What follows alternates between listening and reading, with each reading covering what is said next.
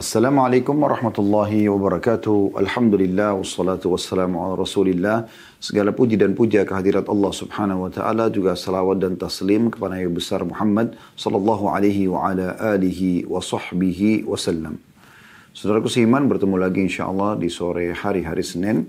Seperti biasa lepas asar pukul 16.00 kita akan membedah buku kumpulan doa dalam Al-Quran dan hadis Nabi alaihi salatu wassalam yang ditulis oleh Syekh Said rahimahullah. Dan kita akan masuk ke bab 49 pada kesempatan ini yaitu doa untuk orang yang sakit saat menjenguknya. Ya. Uh, sebelum kita membaca doa-doa yang diajarkan dan disampaikan oleh beliau tentu yang dinukil dari ajaran baginda Nabi Shallallahu Alaihi Wasallam kami ingin menyampaikan dulu tentang masalah sakit ini ya sakit ini atau penyakit ini teman-teman sekalian ada yang murni ya, memang sebabnya karena kesalahan manusia. Dalam arti kata maaf memang dia jorok dia kotor ya sehingga akhirnya penyakit itu mudah untuk datang kepada dia. Sebab-sebabnya ada dikarenakan karena dia ya. Sehingga akhirnya uh, sakitlah dia. Nah ini tentu Eh, dalam pandangan syariat Islam dia dianggap karena kesalahan dia, namun tetap dosa-dosa ini akan atau penyakit ini akan menjadi pembersih dosa dia bila dia memang bersabar dalam menerima itu dan ikhtiar mencari jalan keluar untuk berobat. Ya. Dan ada juga penyakit yang memang Allah Subhanahu wa taala datangkan sebagai ujian tanpa ada sebab dari kita bangun tidur tiba-tiba sakit padahal sebenarnya tadinya sehat tidak ada masalah gitu kan? Atau misalnya Allah subhanahu wa ta'ala datangkan sebuah wabah kayak kita sekarang misalnya ada corona ya. Maka e, di saat itu kita mau tidak mau ya ini ujian dari Allah subhanahu wa ta'ala. Ini juga sama ya kita bersabar dalam menghadapinya. Tapi yang jelas teman-teman sekalian dalam masalah penyakit ini ada banyak hikmah ada banyak hikmah karena kalau manusia tidak pernah sakit sama sekali, maka dipastikan mereka tidak akan mengetahui nikmat kesehatan itu sendiri. Ini penting sekali. Kalau Anda tidak pernah lapar, ya, tidak akan pernah tahu nikmatnya kenyang. Kalau Anda tidak pernah capek, Anda tidak akan pernah tahu nikmatnya istirahat. Ya. Demikian juga dengan sehat ini. Seseorang kalau sudah kena penyakit, misalnya contoh dia demam, meriang, di saat itu dia susah sekali rasanya untuk uh, terkena udara pun rasanya dingin, apalagi untuk mengkonsumsi ya minuman dan makanan dingin misalnya ya. Uh, maka berat sekali bagi dia. Ya. Tetapi di saat itu kalau dia lihat ada orang yang sedang sehat dan orang sehat ini dengan enaknya dia mengkonsumsi minum di depan mata orang yang sedang sakit ini, situlah dia bisa tahu, oh ternyata kalau sehat itu luar biasa ya bisa menikmati apa saja yang dia inginkan ya. Nah di saat itu dia bisa menilai oh ternyata kesehatan itu sesuatu yang sangat bermahal, eh, sangat bernilai dan mahal gitu. Ya, jadi banyak sekali eh, hikmah-hikmahnya di antara tadi yang kami sebutkan.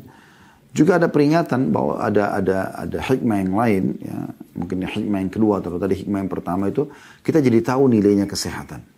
Nah, dan tidak ada manusia pastikan teman-teman yang tidak sakit. Kita pasti akan sakit. Tinggal masalah berat atau ringannya saja. Jangankan kita, manusia terbaik para nabi-nabi termasuk baginda Nabi Muhammad SAW. Beliau juga diuji oleh Allah Subhanahu Wa Taala dengan penyakit.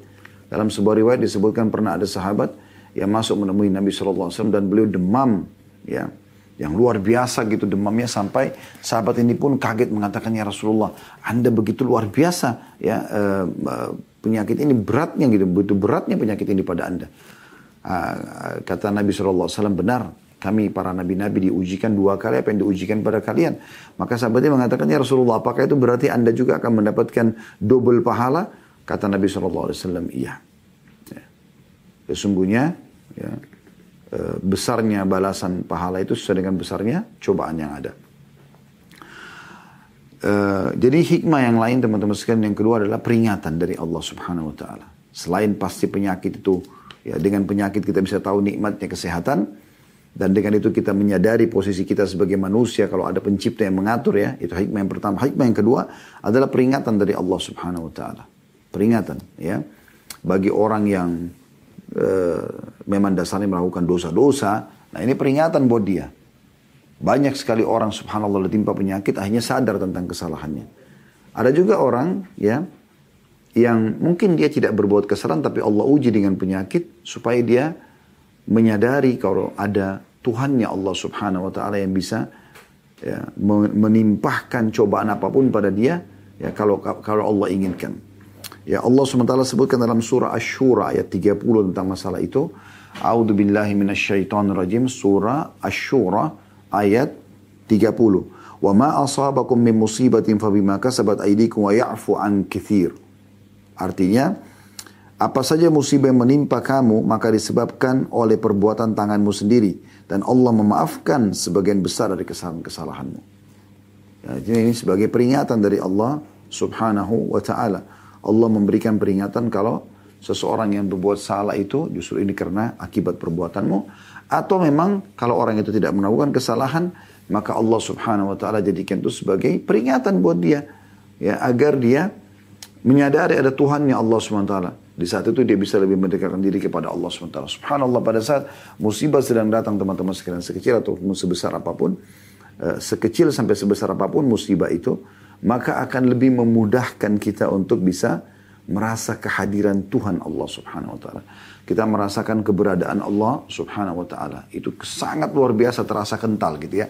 Dibandingkan kita sedang tidak ada cobaan, maka mungkin biasa saja.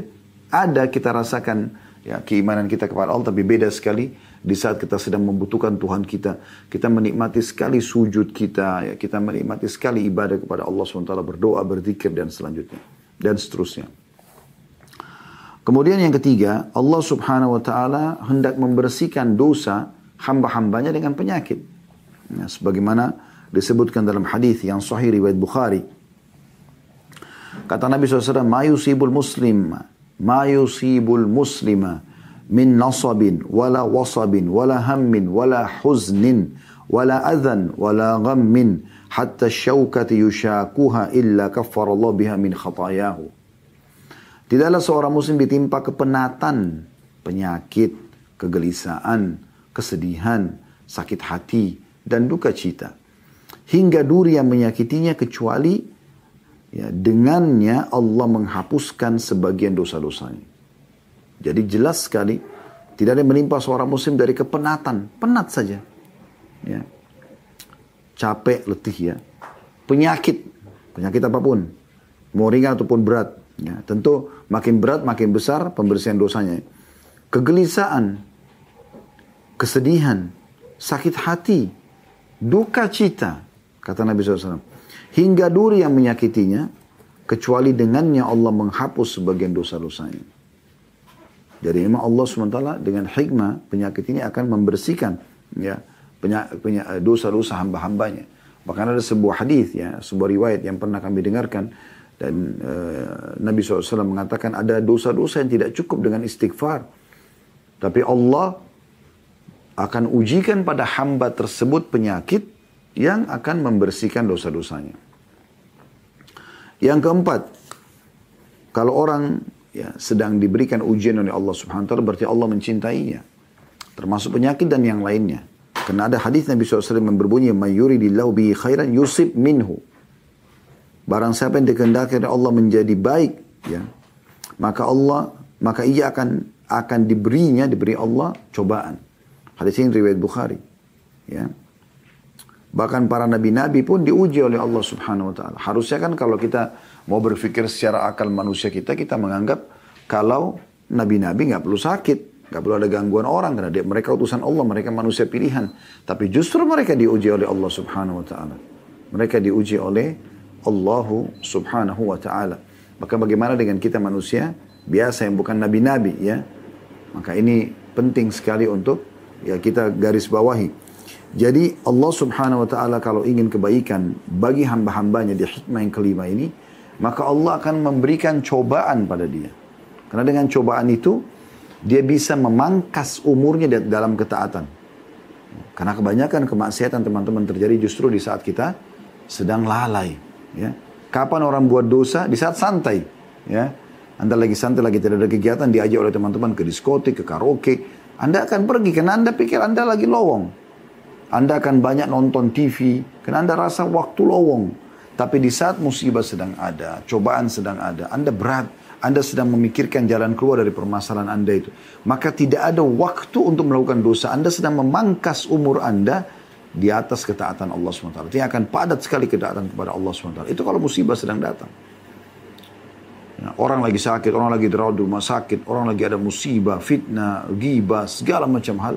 Maka akan membuat dia lebih ya memangkas waktu umur dia ini di atas ketaatan Allah SWT. Jadi dia akan terus pakai semuanya padat untuk ibadah kepada Allah. Ya, itu kalau ya ada musibah dan cobaan seperti ini. Ini luar biasa gitu ya. Demikian juga teman-teman sekalian kalau ya uh, musibah sedang ada ya, akan membuat kita lebih rajin berdoa. Beda sekali doa kita di saat musibah ada dengan tidak ada musibah. Beda sekali. Beda sekali doa kita pada saat kita sehat dengan kita lagi sakit. Beda sekali pada saat kita lagi senang dan kita sedang sempit. Beda sekali doa kita. Di saat ada cobaan-cobaan datang, rasanya lebih khusyuk. Lebih harapan kita kepada Allah lebih besar. Perasaan salah kita kita jadikan bahan introspeksi diri kita itu lebih kental ya. Itu karena ada musibah. Ya. Juga sisi lain kita melihat nikmat lebih besar. Nikmat Allah jadi kelihatan besar sekali depan mata kita. Jadi itu tanda bahwa Allah inginkan kebaikan bagi seorang hamba, Allah ujikan dia. Karena dengan ada ujian kita jadi mengetahui betapa dulu besarnya nikmat Allah pada saya. Pada saat saya lagi sehat, pada saat lagi tidak ada masalah, pikiran saya lagi dia tidak bercabang. Jadi ini semua nanti setelah musibah itu hilang, penyakit itu sembuh, masalah itu selesai, kita akan jadi lebih bisa mengontrol diri. Oh ternyata ya saya sudah diuji oleh Allah, saya sudah belajar nih. Gitu kan. Makanya Nabi SAW mengatakan, uh, Addabani Rabbi fa ahsana ta'diba. Atau kama kala Nabi SAW. Tuhanku telah mendidikku dengan sebaik-baik metode pendidikan. Jadi Allah SWT itu sangat luar biasa dalam ya, mendidik hamba-hambanya. Kemudian yang kelima, mendapatkan pahala di akhirat. Ya. Jadi dari balasan musibah kita itu ada pahala yang melimpah kita bisa dapatkan di akhirat nanti. Ya. Sebagaimana dari hadis yang sempat saya sebutkan, ya, ada seorang sahabat ya, bernama Abdullah radhiyallahu anhu beliau mengatakan aku mengunjungi Rasulullah SAW saat beliau demam yang sangat panas. Ya. Aku berkata, wahai Rasulullah, sungguhnya anda menerima, menderita demam yang panas luar biasa. Karena sahabat Abdullah ini memegang sampai di atas selimut Nabi SAW pun tembus suhu panas itu saking panasnya. Maka beliau mengatakan, ajal, inni ru'aku kama yu'aku rajulani minkum. Benar kata Nabi SAW. Sesungguhnya aku menderita demam panas ini berlipat ganda. Seperti dua orang laki-laki di antara kalian yang menderita, menderita demam. Jadi kalau demam kita tertinggi 40, derajat Nabi SAW bisa 80. Dua kali lipat. Padahal beliau seorang Nabi. Coba bayangkan. Ya. Karena sudah kita sebutkan banyak hikmah-hikmah daripada penyakit itu. Maka Abdullah berkata, dengan demikian berarti anda mendapatkan dua pahala ya Rasulullah. Kata Nabi SAW, ajal, zalika kadzalik. Benar, memang begitu kejadiannya. Nah, di sini diriwayatkan oleh Imam Bukhari. Dan Nabi SAW sudah mengatakan siapa pun yang sedang ditimpa musibah di antara kalian, maka ingatlah musibahku. Otomatis itu akan meringankan musibah dia. Yang keenam, kesempatan untuk bersabar Kapan kita dapatkan pahala sabar? Justru pada saat sedang ada cobaan. Penyakit lah, gangguan orang lah, segala macam. Justru di situ. Kalau lagi tidak ada, bagaimana? Apa kita mau sabar dalam apa? Gitu. Pahala sabar ini perlu kita raih juga.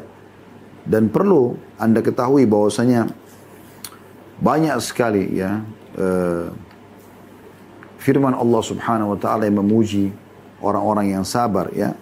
Orang-orang yang sabar, orang-orang yang ya, menerima apa yang Allah Subhanahu wa taala ujikan kepada mereka ya. Sebagaimana Allah mengatakan innama yuwaffas sabiruna ajrahum bighairi hisab. Sungguhnya orang-orang sabar itu mendapatkan pahala mereka tanpa ada hisab lagi. Tanpa ada hisab lagi. Jadi besar sekali pahalanya gitu. Sebagaimana syukur itu besar akan mendatangkan ya nikmat-nikmat Allah yang melimpah, maka sabar akan mendatangkan pahala yang melimpah. Sampai dalam sebuah hadis Bukhari kata Nabi SAW nanti orang-orang yang ujiannya sedikit di dunia. Pada saat melihat orang-orang yang banyak ujian di dunia mendapatkan pahala yang melimpah di hari kiamat. Mereka berharap kembali ke dunia untuk digunting-gunting kulit mereka. saking besarnya balasan hanya dengan sedikit bersabar dalam ujian di muka bumi ini. Dalam sebuah riwayat dari Ibnu Abbas radhiyallahu anhu beliau berkata kepada muridnya Atha bin Nabi Rabah rahimahullah seorang ulama tabi'in, "Maukah aku perlihatkan kepadamu tentang seorang ahli surga, wanita ahli surga? Maukah aku ceritakan kepadamu seorang wanita ahli surga?" Maka kata Atha, "Tentu." Kata Ibnu Abbas radhiyallahu anhu, seorang wanita berkulit hitam pernah mendatangi Nabi SAW seraya berkata, "Sesungguhnya aku terkena epilepsi, ya, penyakit ayan." Dan aku takut terbuka auratku tanpa aku sadari berdoalah kepada Allah untuk agar disembuhkan. Kata Nabi SAW apa? In syi'ti sabarti walakil jannah wa in syi'ti da'utullaha ayyu'afiyaki.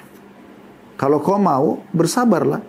Maka bagimu surga. Apa itu sabar? Bukan elus dada duduk manis ya. Sudah sering kita sampaikan itu. Tapi menerima takdir Allah. Anda bangun pagi, flu, demam. Anda terima dulu. Oh Allah sedang uji saya. Anda bangun tidur tiba-tiba ada yang fitnah, ada yang sakitin, ada yang segala macam. Oh iya ini cobaan dari Allah. Anda terima dulu. Itu namanya sabar. Kemudian ikhtiar, mencari jalan keluar yang tidak melanggar syariat untuk menyelesaikan perkara Anda itu. Penyakit dan yang lainnya. Kata Nabi SAW, jika engkau mau, engkau bersabar, engkau akan dapat surga. Jadi tetap ikhtiar, terima dulu keputusan Allah, kamu ikhtiar. Ya. Sampai nanti Allah berikan jalan keluar. Atau kau mau aku berdoa sekarang, Allah bisa sembuhkan kamu. Bisa. Ya. Tapi tidak ada jaminan surga ini. Nggak ada pahala sabar yang melimpah yang nanti bisa dipanen. Maka wanita itu mengatakan, aku akan bersabar. Hadis ini diriwayatkan Imam Bukhari. Bahkan dalam riwayat hadis ini sempat wanita itu mengatakan kalau begitu ya Rasulullah, kalau saya sedang kambuh, sering kali aurat saya ter, ter, ter, ter, tersung, tersingkap ya. E, coba berdoa sama Allah kalau gitu supaya kalau kambuh tidak kena. Ya. Eh, tidak tidak terbuka aurat saya. Maka Nabi SAW pun mendoakan dia. Jadi ini contoh saja. Ya. Kemudian juga yang ketujuh, hikmahnya adalah kita bisa bersyukur kepada Allah. Dalam setiap keadaan. Banyak orang berpikir, bersyukur hanya kalau nikmat ada. Tidak. Sedangkan ada musibah juga kita disuruh bersyukur. Karena Allah sebagai pencipta lebih tahu. Allah tidak ingin keburukan buat kita. Tapi Allah datangkan dengan hikmahnya yang luar biasa. Yang manusia banyak tidak faham masalah itu. Tapi bersangka baiklah dengan Tuhan Anda, wahai saudaraku seiman. Karena disebutkan dalam sebuah hadis ya.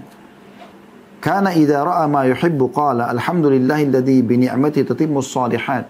Rasulullah SAW kalau melihat sesuatu yang dia sukai dari nikmat Allah dia mengatakan segala puji bagi Allah ya yang dengan kenikmatannya maka segala kebaikan menjadi sempurna. Maksudnya dengan kebaikan dari Allah semua nikmat yang misalnya Anda sehat, Anda mendapatkan rezeki, Anda mendapatkan bonus, Anda mendapatkan apa saja, Anda mengatakan alhamdulillahilladzi bi ni'mati tatibus salihat. Ya, segala puji bagi Allah dengan nikmatnya lah semua semua kebaikan itu tersempurnakan. Dan dikatakan wa idza ra'a ma yukrihuhu dan kalau Nabi SAW apa yang dia tidak suka ya, dari cobaan segala macam, qala alhamdulillah ala kulli hal. Segala puji bagi Allah di atas semua keadaan. Hadis ini disahihkan oleh Syarban dalam silsilah ahadith sahihah ya. Jadi banyak sekali hikmah daripada penyakit itu sendiri. Banyak sekali hikmah daripada penyakit. Baik. Uh, kalau ada orang yang sedang diuji dengan penyakit, teman-teman sekalian, Anda dianjurkan, baik Anda sedang ditimpa atau Anda sedang menjenguk orang yang sakit. Yang pertama, kalau Anda sedang sakit tetap bersabar. Anda sedang diuji tetap bersabar. Ya. Kami sudah bacakan tadi firman Allah SWT dalam surah Az-Zumar ayat 10 ya. Potongan akhir ayat, Inna ma yuwaffas sabirun ajran bighairi hisab. Sesungguhnya orang-orang sabar itu ya, yang dicukupkan pahala mereka tanpa batas. Jadi sabar saja. Gitu. Ya. Dan disebutkan dalam sebuah hadis Nabi SAW hadis yang masyhur. Hadis ini riwayat Imam Muslim. Ajaban di amril mu'min Sungguh mengagumkan perkara orang beriman. Inna, inna amro kulluhu khair. Karena semua urusan yang beriman baik semuanya. Walaysa dzalika li ahadin illa li mu'min. Itu tidak dimiliki kecuali orang oleh orang-orang beriman saja. In asabathu sarra'u syakar. Fakana khairan lah. Kalau diberikan nikmat dia bersyukur. Wa in itu baik buat dia. Wa in asabahu wa in asabathu dharra'u sabara fakana khairan lah. Dan kalau dia diberikan cobaan maka dia bersabar dan itu juga baik buat dia. Jadi ingat, kami pernah ingatkan teman-teman sekalian, syukur dan sabar ini ibarat dua sayap. dalam kehidupan kita. Harus dua-duanya berimbang. Harus dua-duanya berimbang. Jadi nggak bisa tidak, ya. Harus dua-duanya berimbang. Jadi syukur dan sabar ini dua sayap. Anda nikmat, nikmat ada Anda bersyukur. Ada cobaan ada Anda bersabar. Ini harus sama balance. Ada orang teman-teman dapat nikmat dia bersyukur alhamdulillah. Tapi saat musibah datang dia berkeluh kesah. Nah ini tidak berimbang ini. Karena dia seperti cuma menggunakan satu sayap dan sayap yang satunya ini patah. Gak bisa, tidak stabil hidupnya. Ya. Atau ada orang nikmat ada, dia kufur. Musibah ada dia, dia bersabar. Ada orang begitu, misalnya orang miskin, dia sabar gitu. Pas dikasih nikmat, dia kufur nikmat. Ini juga tidak baik. Di saat dia lagi susah, dia bersabar dalam kehidupan penyakit, susahnya hidup, segala macam, kontrak sana sini. Tapi di saat diberikan nikmat, dia malah kufur nikmat. Nah ini juga tidak baik. Tidak balance juga sayapnya, ya sabarnya ada, tapi syukurnya hilang. Nah, jangan begitu. Jadi harus balance dua-duanya. Nikmat Anda bersyukur, coba Anda bersabar. Dan Anda harus fahami baik-baik ini. Ingat, di saat musibah datang sekecil sampai sebesar apa pun, sabar. Itu poinnya. Dan syukur dan nikmat sedang ada, bersyukur. Kalau Anda bisa lakukan, Anda luar biasa. Dan ada orang yang paling buruk teman-teman sekalian. Nikmat ada, kufur nikmat tidak bersyukur, musibah ada berkeluh kesah. Ini orang yang paling buruk kedudukannya di sisi Allah subhanahu wa ta'ala. Jadi harus hati-hati sekali. Juga sabda Nabi SAW, Inna Allah Azza wa Jal qal, Idha btalaitu abdi bihabibataihi, fasabara awwadtu minhumal jannah. Sesungguhnya Allah berfirman dalam hadis Qudsi, jika aku menguji hambaku ya dengan kedua dengan dua kecintaannya. Kata sebagian ulama hadis dua matanya. Allah butakan. Ya. Lalu ia bersabar, maka pasti ya aku akan menggantikannya dengan surga. Juga disebutkan dalam sebuah hadis yang lain bagaimana Nabi SAW mengatakan innamas sabru inda sadramatil ula. Sabar itu terjadi hanya di pukulan pertama. Setelah itu sudah jadi biasa kok. Justru di situ dibutuhkan kesabaran. Dan kelihatan orang yang kelihatan sabar itu adalah orang yang biasa saja. Seperti tidak ada apa-apa terjadi. Biasa saja gitu. Dia terima ini sebagai putusan Allah dan bersangka baik dengan Tuhannya Allah subhanahu wa ta'ala. Dan makin dia bersabar dan makin berat ujiannya, maka makin besar pahalanya. Sebagaimana sabda Nabi SAW, Inna idhamal jazai min idhamil bala. Sesungguhnya balasan yang agung itu akan didapat karena ujian yang agung juga. Makin berat, maka makin ya besar balasannya. Wa inna Allah idha ahabba qawman ibtalahum dan Allah kalau cinta seorang hamba Allah akan uji mereka. Justru diuji di sini dengan hikmah-hikmah tadi sudah kita sebutkan. Faman radhiya falahur ridha. Siapa yang ridho dengan cobaan itu, oh ya sudah Allah lagi uji saya. Nah, tadi saya sabar aja deh. Kan Allah sudah uji. Nah, maka dia akan dapatkan keridhaan. Waman sakhita falahus sukhut. Siapa yang marah-marah, ya, justru kenapa ini terjadi? Kenapa begitu? Protes Allah, maka baginya pun kemurkaan Allah. Ini bahaya sekali. Hadis riwayat Tirmidzi. Ya. Hadis riwayat Tirmidzi. Jadi sabar teman-teman sekalian. Sabar. Dengan tetap ikhtiar tentunya ya. Kemudian juga di saat Anda sedang ada musibah, Anda sedang sakit, Anda sedang diuji oleh Allah SWT, selalu berdoa. Justru selalu berdoa. Minta kepada Allah Subhanahu wa taala kebaikan-kebaikan. Sebagaimana dalam hadis Al-Abbas bin Abdul Muttalib radhiyallahu anhu paman Nabi SAW ia berkata, aku bertanya kepada Rasulullah SAW, ajarkan kepada aku bagaimana aku memohon kepada Allah. Maka kata Nabi SAW, salillahal afiyah. Mintalah kepada Allah keselamatan. Ya. Semasa dari penyakit, dari gangguan orang, minta selalu itu. Baik dunia maupun akhirat. Dalam hadis yang lain, ya, masih masih terjadi ya setelah itu, tiga hari kemudian Abbas mengatakan, aku datang lagi mengatakan, wahai Rasulullah, ajarkan bagaimana aku memohon kepada Allah. Nabi SAW mengatakan, Ya Abbas, Ya Amma Rasulillah, salillah al-afiyata fid dunya wal akhirah. Wahai, wahai Abbas, wahai pamannya Rasulullah, mohonlah keselamatan dunia dan akhirat. Selalu minta al-afiyah. Dan dalam hadis yang lain Nabi SAW mengatakan, Allah min ya'udhu bika min zawali ni'amik. Atau ni'matik. Allah min ya'udhu bika min zawali ni'matik. Ya Allah aku memohon atau berlindung kepadamu atas lenyapnya nikmatmu. Kita sekarang lagi sakit nih. Ya Allah ini sudah sakit nih, jangan sampai kesehatan hilang dari aku. Uh, dia sekarang lagi proses menyorot nih, lagi lagi turun. Ya. eh, kedudukannya, lagi turun hartanya. Justru dia minta, ya Allah jangan sampai hilang nikmatmu ini dariku. Supaya Allah tetap pertahankan. Wa tahawuli afiatik. Dan berubah keselamatanmu dariku. Sehingga jadi celaka gitu. Wa fujaati nikmatik. Dan tiba-tibahnya murkahmu. Wa jami'i sahatik. Dan semua kemurkahanmu. Kita berdoa di saat itu. Ya. Hadis ini riwayat Imam Muslim. Kemudian teman-teman sekalian, jangan berkesil hati dan tetap ya tetap yakin ya dan bersangka baik dengan Allah Subhanahu wa taala. Ini juga termasuk yang kita harus lakukan ikhtiar kita kalau kita sedang sakit ya. Dan ketahuilah kalau seandainya kita di saat lagi sehat sering mengerjakan amal-amal soleh ini manfaatnya besar sekali ya. Anda sering puasa Senin Kamis di saat sehat, Anda selalu sholat malam, Anda berzikir, Anda bersedekah, Anda sholat berjamaah di masjid. Semua Anda kerjakan. Di saat Anda sedang sakit, ya, maka tetap pahalanya jalan. Sesuai dengan sabda Nabi SAW, Iza maridal abdu au safara kutiba lau mithla ma kana ya'malu mukiman sahihan. Artinya, apabila seorang hamba sakit atau dalam keadaan bepergian, maka dituliskan baginya apa yang biasa ia lakukan ketika ia sedang tidak bepergian dan dalam keadaan sehat. Hadis riwayat Bukhari. Jadi makanya mumpung masih sehat, mumpung masih muda teman-teman sekalian, perbanyak amal-amal saleh. Justru sekarang waktunya. Kalau Anda kerjakan ini, Anda akan nanti panen pahala di saat Anda sedang ada masalah. Dan selalu sangka baik dengan Allah SWT dengan cara ikhtiar, berobat. Tetap ikhtiar. Dan yakin ini pasti Allah memiliki hikmah yang besar dari masalah yang sedang anda hadapi.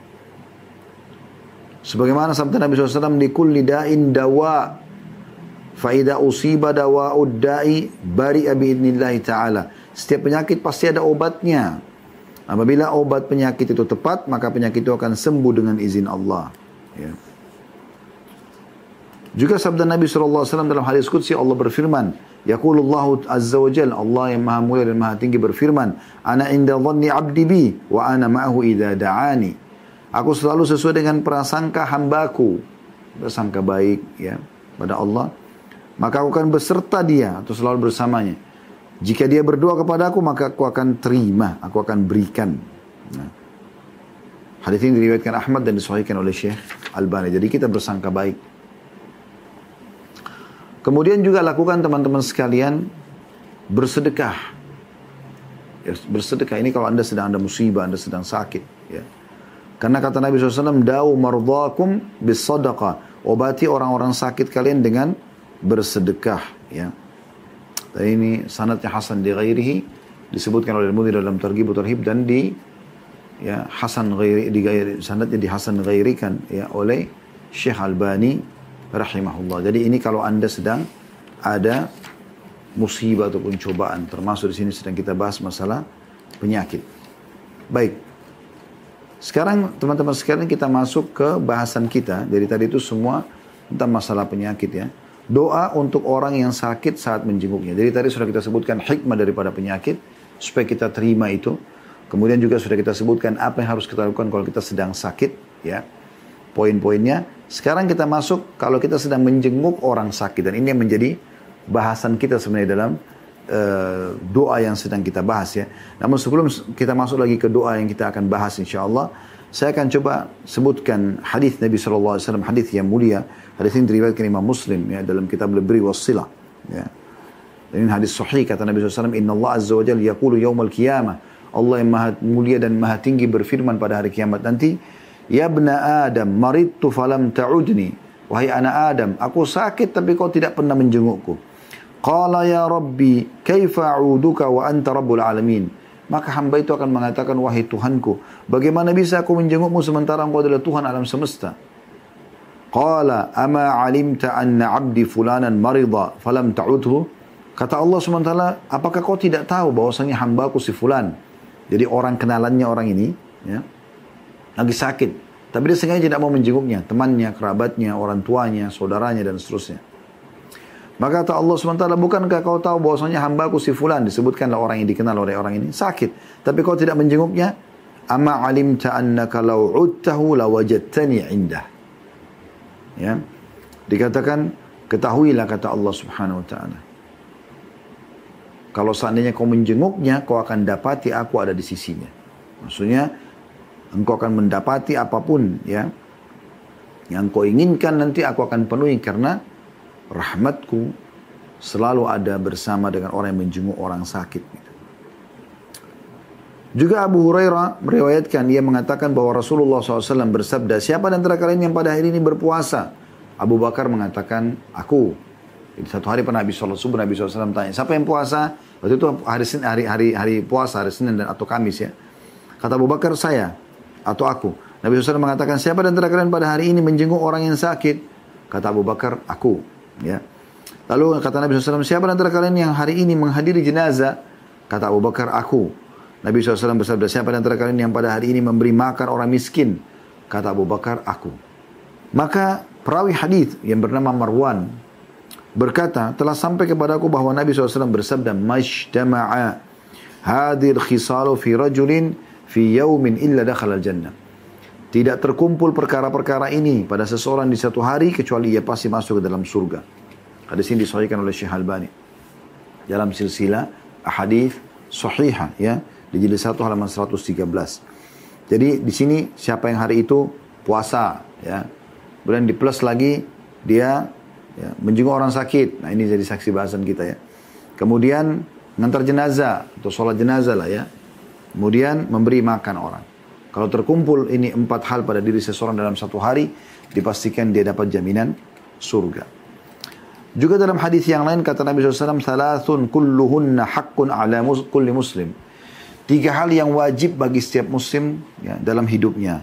Iyadatul marid, menjenguk orang sakit. Wa syuhudul janazah, menghadiri jenazah.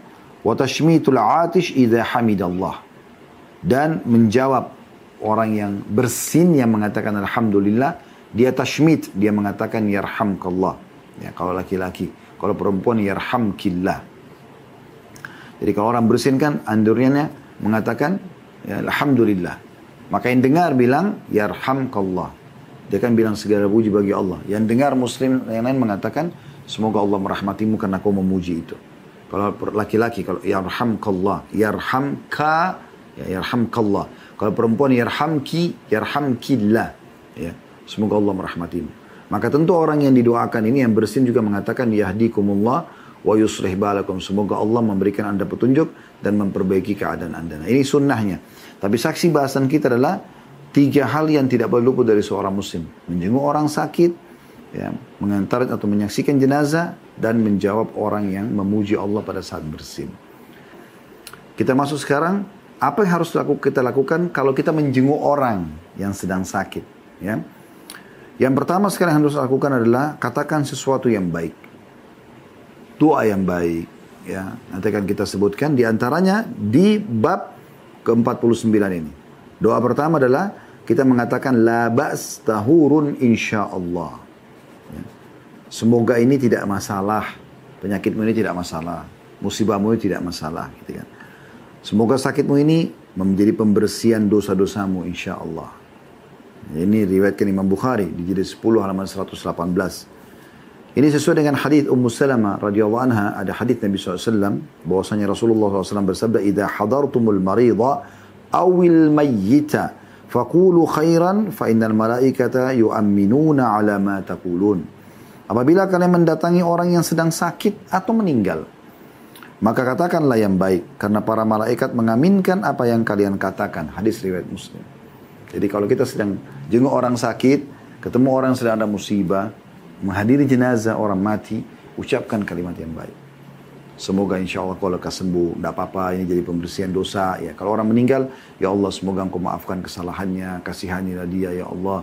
Gitu kan, terimalah amal-amal solehnya. Jadi begitu, ucapan kalimat-kalimat yang baik. Ini sesuai dengan sabda Nabi SAW tadi. Hadith Ummu Salama. Saya ulangi, kata Nabi SAW, Idha hadaratum, idha hadaratumul marida awil mayyita, kalau kalian sedang menjenguk orang sakit atau menghadiri orang yang sedang meninggal, Fakulu khairan. Katakan yang baik-baik. Fa'inal malaika yu'amminuna ma ala, ala ma. Karena malaikat mengaminkan apa yang kalian ucapkan. Ya. Kemudian Jangan lupa tadi di antara kata-kata yang baik adalah tadi yang kita bilang ya tahur la ba's tahur insyaallah. Ini doa pertama kita di uh, bab ke-49 halaman 131 di poin A-nya ya.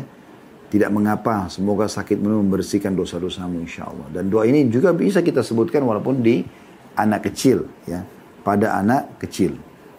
Kemudian doa yang kedua di situ di poin B-nya kita membaca as'alullahal azim rabbal arshil azim ayyashfiyaka.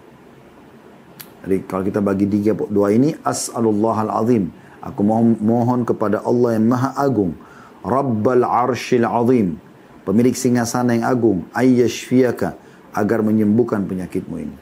Ya, ini disebutkan ada footnote nomor 180 Rasulullah SAW bersabda perhatikan hadis ini agung sekali ya bagian pegang bukunya tolong dilihat di halaman 131 footnote 180 di bawah. Rasulullah SAW bersabda, tidaklah seorang hamba muslim mengunjungi seorang yang sakit yang belum datang ajalnya. Selama belum saatnya dia mati. Lalu dia membaca sebanyak tujuh kali doa tadi. As'alullahal-azim, Rabbal arshil azim, ayashfiyaka. Ya, perhatikan di situ lafaz akhirnya ayashfiyaka. Itu kalau laki-laki. Kalau perempuan ayashfiyaki diganti jadi kasrah ya. Kata Nabi SAW, kalau dia baca, datang menjenguk seorang yang sakit. Siapa pun yang sedang sakit. Anda coba praktikin dan yakin dalam hati ya. Kalau Anda mau saudara Anda, kerabat Anda, sahabat Anda, saudara Anda muslim itu sembuh, maka baca tujuh kali doa ini. As'alullah al-azim, Rabbul arshil azim, ayashfiyaka. Kalau laki-laki, ayashfiyaka. Kalau perempuan, tujuh kali. Kata Nabi SAW, selama ajalnya belum datang, pasti Allah sembuhkan. Hadis ini riwayatkan Tirmidzi dan juga Abu Daud. Ini hadis yang agung sekali ya. Dijamin oleh Nabi Shallallahu Alaihi Wasallam kalau akan sembuh akan sembuh. Dan kalau anda mengunjungi orang yang sedang sakit ini selain anda doakan seperti nanti akan ada banyak doa-doa juga yang akan kita sebutkan insya Allah maka anda juga dianjurkan berdoa buat diri anda sendiri ya. Ada doa yang anda dianjurkan baca ya, ya sebagaimana sabda Nabi SAW man ra'a mubtalan faqal Siapa yang melihat orang yang sedang diuji oleh Allah lalu dia mengucapkan alhamdulillahilladzi afani mimma btalaka bihi segala puji bagi Allah yang telah menyelamatkan aku dari apa yang diujikan kepadamu. Saya ulangi alhamdulillahilladzi ya, afani mimma btalaka bihi. Segala puji bagi Allah yang telah menyelamatkan aku dari apa yang diujikan kepadamu wa faddalani ala katsirin mimman khalaqa tafdila dan telah ya memberikan karunia kepada aku atas kebanyakan makhluk ciptaannya dengan sebenar-benar karunia. Ya. Kata Nabi SAW, Lam yusibhu dhalikal bala. Maka dia tidak akan ditimpa cobaan itu. Ya, jadi kalau kita lagi sehat, kita juga orang sakit. Kita berdoa seperti ini. Alhamdulillah ladhi afani mimabtalaka bihi.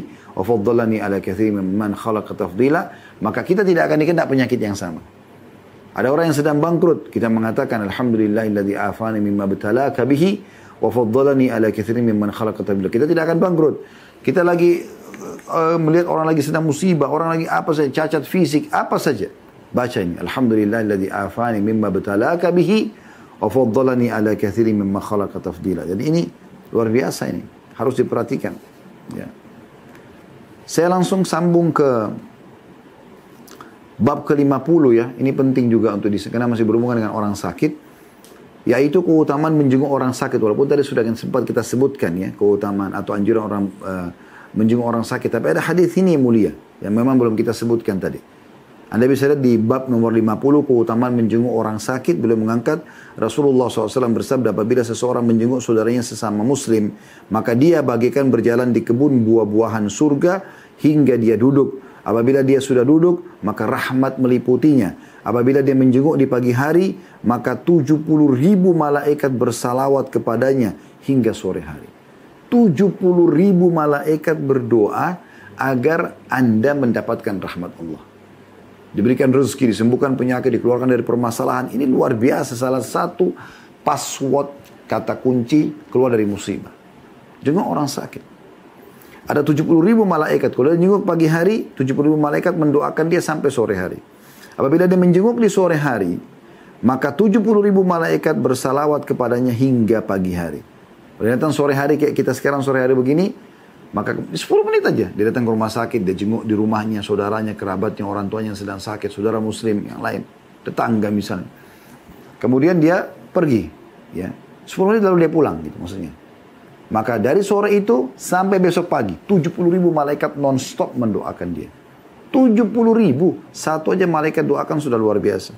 Anda bisa lihat di situ putnot nomor 181 ya diriwayatkan Tirmidzi, Ibnu Majah dan Ahmad dan ini juga disebutkan oleh Syekh Albani dalam Sahih Ibnu Majah dan juga Sahih Tirmidzi ya. Dan hadis ini disepakati oleh umumnya ulama-ulama hadis bahwasanya hadis ini adalah hadis yang sahih. Ini luar biasa. Ya. Keutamaan ini.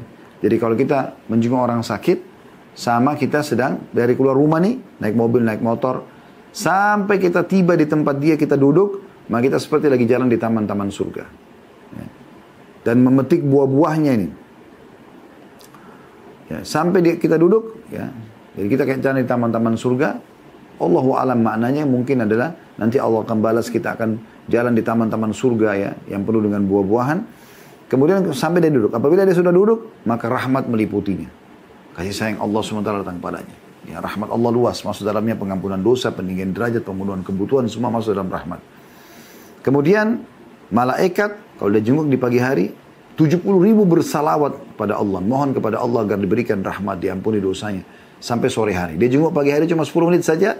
Sampai sore malaikat doakan. 70 ribu sekali lagi. Kalau dia jenguk sore hari, 10 menit saja.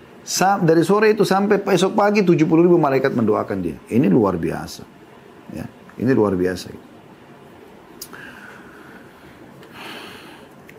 Kemudian teman-teman sekalian ada bab ke-51 di situ ya orang doa orang sakit yang tidak memiliki harapan untuk hidup. Maksudnya kelihatan sudah dalam kondisi seperti akan meninggal dunia, kelihatan lemas sekali. Dokter juga mengatakan tidak ada harapan, ya. Maka kita mendoakan di sini doa yang pertama diriwayatkan Bukhari jadi 7 halaman 10 dan Imam Muslim jadi tempat halaman 1893 ada di bab 51 ya. Allahumma gfirli warhamni wa alhiqni birrafiqil a'la. Maksudnya ini kalau dia dia kondisinya sendiri tahu kalau dia kayaknya penyakit saya berat sekali nih. Apalagi sudah ada faktor umur. Maka dia mengatakan, Ya Allah ampunilah aku. Dia berdoa dirinya sendiri, orang yang sakit ini. Allah magfirli, warhamni, kasihanilah aku. Wa alhiqni birrafiqil a'la. Dan susurkanlah aku dengan para kekasih di surga yang paling tinggi. Ini yang disebutkan oleh Nabi SAW pada saat beliau meninggal dari Rafiqul A'la. Ya, beliau memilih tempat tertinggi di surga. Nabi SAW memasukkan kedua tangan beliau ke dalam air. Lalu beliau mengucapkan atau mengusap wajahnya pada saat beliau sudah merasa sudah sangat sakit. Ya, kemungkinan akan meninggal. Beliau mengambil air lalu mengusap wajahnya sambil mengatakan, La ilaha illallah inna lil mauti la sakarat. Tidak ada Tuhan yang berhak disembah kecuali Allah. Sungguhnya kematian itu memiliki sakarat atau rasa sakit atau rasa yang penuh dengan kekhawatiran. Kita dianjurkan mengucapkan La ilaha illallah. Hadis riwayat Bukhari. Jadi di 8 halaman 144. Ini bagi orang yang dia dirinya sudah tidak ada harapan gitu. Dia sendiri harus berdoa. Dia sudah tahu penyakitnya, dia sudah rasa lemas sekali. Penyakitnya sudah komplikasi. Ya. Dalam riwayat lain dia mengatakan La ilaha illallah wallahu akbar La ilaha illallah wahdahu La ilaha illallah wahdahu la syarika lah. La ilaha illallah lahul mulku wa lahul hamdu. La ilaha illallah wa la hawla wa la quwata illa billah. Tidak Tuhan yang berhak disembah kecuali Allah. Allah Maha Besar. La ilaha illallah wallahu akbar. La ilaha illallah wahdah. Tidak Tuhan yang berhak ya, disembah kecuali ia satu saja. Ya, semata. La ilaha illallah wahdahu la syarika lah. Ya, Lahul mulku wa lahul hamd. Tidak ada Tuhan yang berhak disembah kecuali dan tidak ada sekutu bersamanya. Ya. Miliknya lah kerajaan dan miliknya puji-pujian. La ilaha illallah wa la hawla wa la quwata illa billah. Tidak Tuhan yang berhak disembah kecuali Allah dan tidak ada dan kekuatan kecuali milik Allah. Kecuali milik Allah. Ya ini kalau dia melihat dirinya sudah tidak ada harapan lagi. Ya. Dan bagi anda yang sedang menjenguk orang yang sedang sakit, dianjurkan, dianjurkan. Anda mengingatkan tentang uh, kes, uh, kalau misal dianggap ini orang takutnya nanti sudah meninggal nih gitu kan anda ingatkan supaya dia memperbanyak kalimat la ilaha illallah ya anda juga uh, mengingatkan dia tentang taubat nasuha Kalau dia orang non-muslim, ajak dia masuk Islam. Jangan pernah takut dia terima atau tidak terima itu nggak penting. Karena pernah disebutkan dalam sebuah riwayat yang sahih diriwayatkan oleh Bukhari, bahwasanya Nabi SAW pernah datang dan duduk di atas kepala, maksudnya di bagian atasnya, ranjang dan Nabi SAW datang di atas kepala, bagian bagian kepala, bagian atas ranjang uh, seorang anak muda Yahudi. Kemudian Nabi tahu orang ini sudah akan meninggal, kata Nabi SAW masuk Islam lah. Maka anak itu melirik ke ayahnya, ayahnya ada dekat situ. Lalu kata ayahnya, Ati Abul Qasim. Ikutilah ayahnya Qasim. Maksudnya Nabi SAW. Maka orang itu pun syahadat. Pas habis syahadat meninggal. Subhanallah. Kata Nabi SAW, Alhamdulillah alladhi angkadahu minan nar. Segala puji bagi Allah yang telah menyelamatkan dia dengan syahadat ini dari api neraka. Dari api neraka. Ada pertanyaan di sini teman-teman sekalian. Boleh nggak kalau kita sedang menjenguk orang sakit, kita menangis? Karena orang ini sangat agung kedudukannya di sisi kita ya. Ayah kita, ibu kita, pasangan hidup kita, anak kita. Kita merasa sedih. Boleh nggak kita menangis? Boleh. Tapi ingat, lisan tidak boleh mengucapkan sembarangan. Karena disebutkan dalam sebuah riwayat bahwasanya Nabi SAW dan Abdurrahman ibn Auf pernah menjenguk Sa'ad ibn Ubadah radhiyallahu anhu majma'in. Nabi SAW bersama Abdurrahman bin Auf radhiyallahu anhu menjenguk Sa'ad bin Ubadah pada saat beliau sedang sakit keras radhiyallahu anhu. Maka ketika tiba, saat lagi dikerumuni oleh kerabat-kerabatnya, lalu mereka semua pindah, memberikan uh, ruang untuk Nabi SAW mendekat kepada saat. Lalu kata Nabi SAW, apakah sudah meninggal? Kata mereka, belum ya Rasulullah. Maka tiba-tiba Nabi SAW meneteskan air mata. Ya. Lalu beliau bersabda, Ala tasma'una inna Allah la yu'adzibu bidam'il aini wala bihusnil qalbi walakin yu'adzibu bihadha wa asyara ila lisanihi sallallahu alaihi wasallam. Artinya Tidakkah kalian mendengar bahwa Allah tidak akan menyiksa dengan air mata? Kalau orang menangis karena sedih, itu tidak disiksa. Dia dan tidak disiksa juga orang yang sedang sakit atau orang yang sedang menghadapi kematian itu. Dan juga Allah tidak akan menyiksa dengan kesedihan hati, kan itu alami manusia, gitu kan, manusiawi. Akan tapi dia Allah akan menyiksa dengan sebab beliau memberikan isyarat dengan lidahnya. Ini lisannya yang ngomong sembarangan nih. Kenapa dia yang sakit, kenapa dia yang mati, kenapa bukan saya? Nah, ini yang tidak boleh. Itu namanya ni niyaha. Ya, niyaha. Pukul-pukul badan, jambak rambutnya, ucapin kata-kata yang tidak benar. Ini semua yang berbahaya. Kemudian kita juga boleh teman-teman sekalian kalau menjenguk orang sakit menanyakan kabar dia, menanyakan karena pernah disebutkan dalam sebuah riwayat diriwayatkan Imam Bukhari, Aisyah berkata radhiyallahu anha, pada saat Nabi SAW datang ke kota Madinah, Abu Bakar dan Bilal sakit. Secara bersamaan dua-duanya sedang sakit. Dan kebetulan dua-duanya berada di satu tempat. Maka Aisyah mengatakan, aku pun menjenguk mereka. Lalu aku bertanya, wahai ayahku bagaimana kabarmu? Lalu Aisyah pun bertanya pada ya Bilal, wahai Bilal bagaimana keadaanmu? Ini riwayat Bukhari. Berarti ini menandakan boleh saja seorang laki-laki ditanyakan menanya kabar wanita yang sedang sakit atau wanita yang sedang sakit menanyakan kabar laki-laki. Karena Aisyah di sini bertanya pada Bilal, Bilal bukan mahramnya tapi bukan berduaan. Ya, menanyakan kabar dibolehkan saja. Misalnya karena di sini berpapasan juga Abu Bakar sedang bersama dengan Bilal di satu tempat. Kita tambahkan ada doa-doa yang penting, yang mungkin kita tutup dengan ini. Kalau orang sedang sakit, selain tadi doa dua, la ba's tahur insya Allah, masih ingat tadi? Ya, di bab 49 tidak masalah, Semoga penyakit tidak masalah bagimu dan semoga menjadi pembersih dosa. Kemudian ditambah juga as'alullah al-azim rabbal arsyil azim aishfiyaka tujuh kali. Yang tadi Nabi diamin akan sembuh penyakitnya ya. Juga kita tambah ya dengan penyakit eh, doa-doa eh, yang lain. Seperti misalnya dalam sebuah riwayat yang sahih ya. Riwayat ini diriwayatkan oleh Imam Muslim dalam Kitabus Salam. Bahwasanya pernah Jibril ya, kata dari Abu Sa'id al-Hudri al beliau mengatakan Jibril mendatangi Nabi SAW dan mengatakan wahai Muhammad apakah engkau menderita sakit kata Nabi SAW iya. Maka Jibril mengatakan Bismillahi arkika min kulli syai'in yu'zika ya. Min syarri kulli nafsin aw ainin hasid Allah yashfika bismillahi arkik. Artinya Bismillah arkik dengan nama Allah aku merukiamu ya min syarri min kulli syai' min kulli syai'in yu'zika dari segala sesuatu yang telah yang menyakitimu min syarri kulli nafsin au ainin hasid dan dari setiap kejahatan jiwa dan mata yang dengki. Allah yashfik. Semoga Allah menyembuhkanmu. Bismillahi arkik. Dengan nama Allah aku merukiamu. Ini termasuk doa Jibril AS kepada Nabi SAW. Ya. Dan kita juga boleh teman-teman sekalian menjenguk orang yang sedang sakit walaupun dia tidak sadar.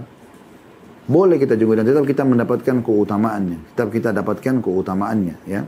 Sebagaimana disebutkan dalam sebuah riwayat yang sahih riwayat Bukhari, bahwasanya Jabir bin Abdullah berkata, aku pernah sakit dan dalam kondisi pingsan.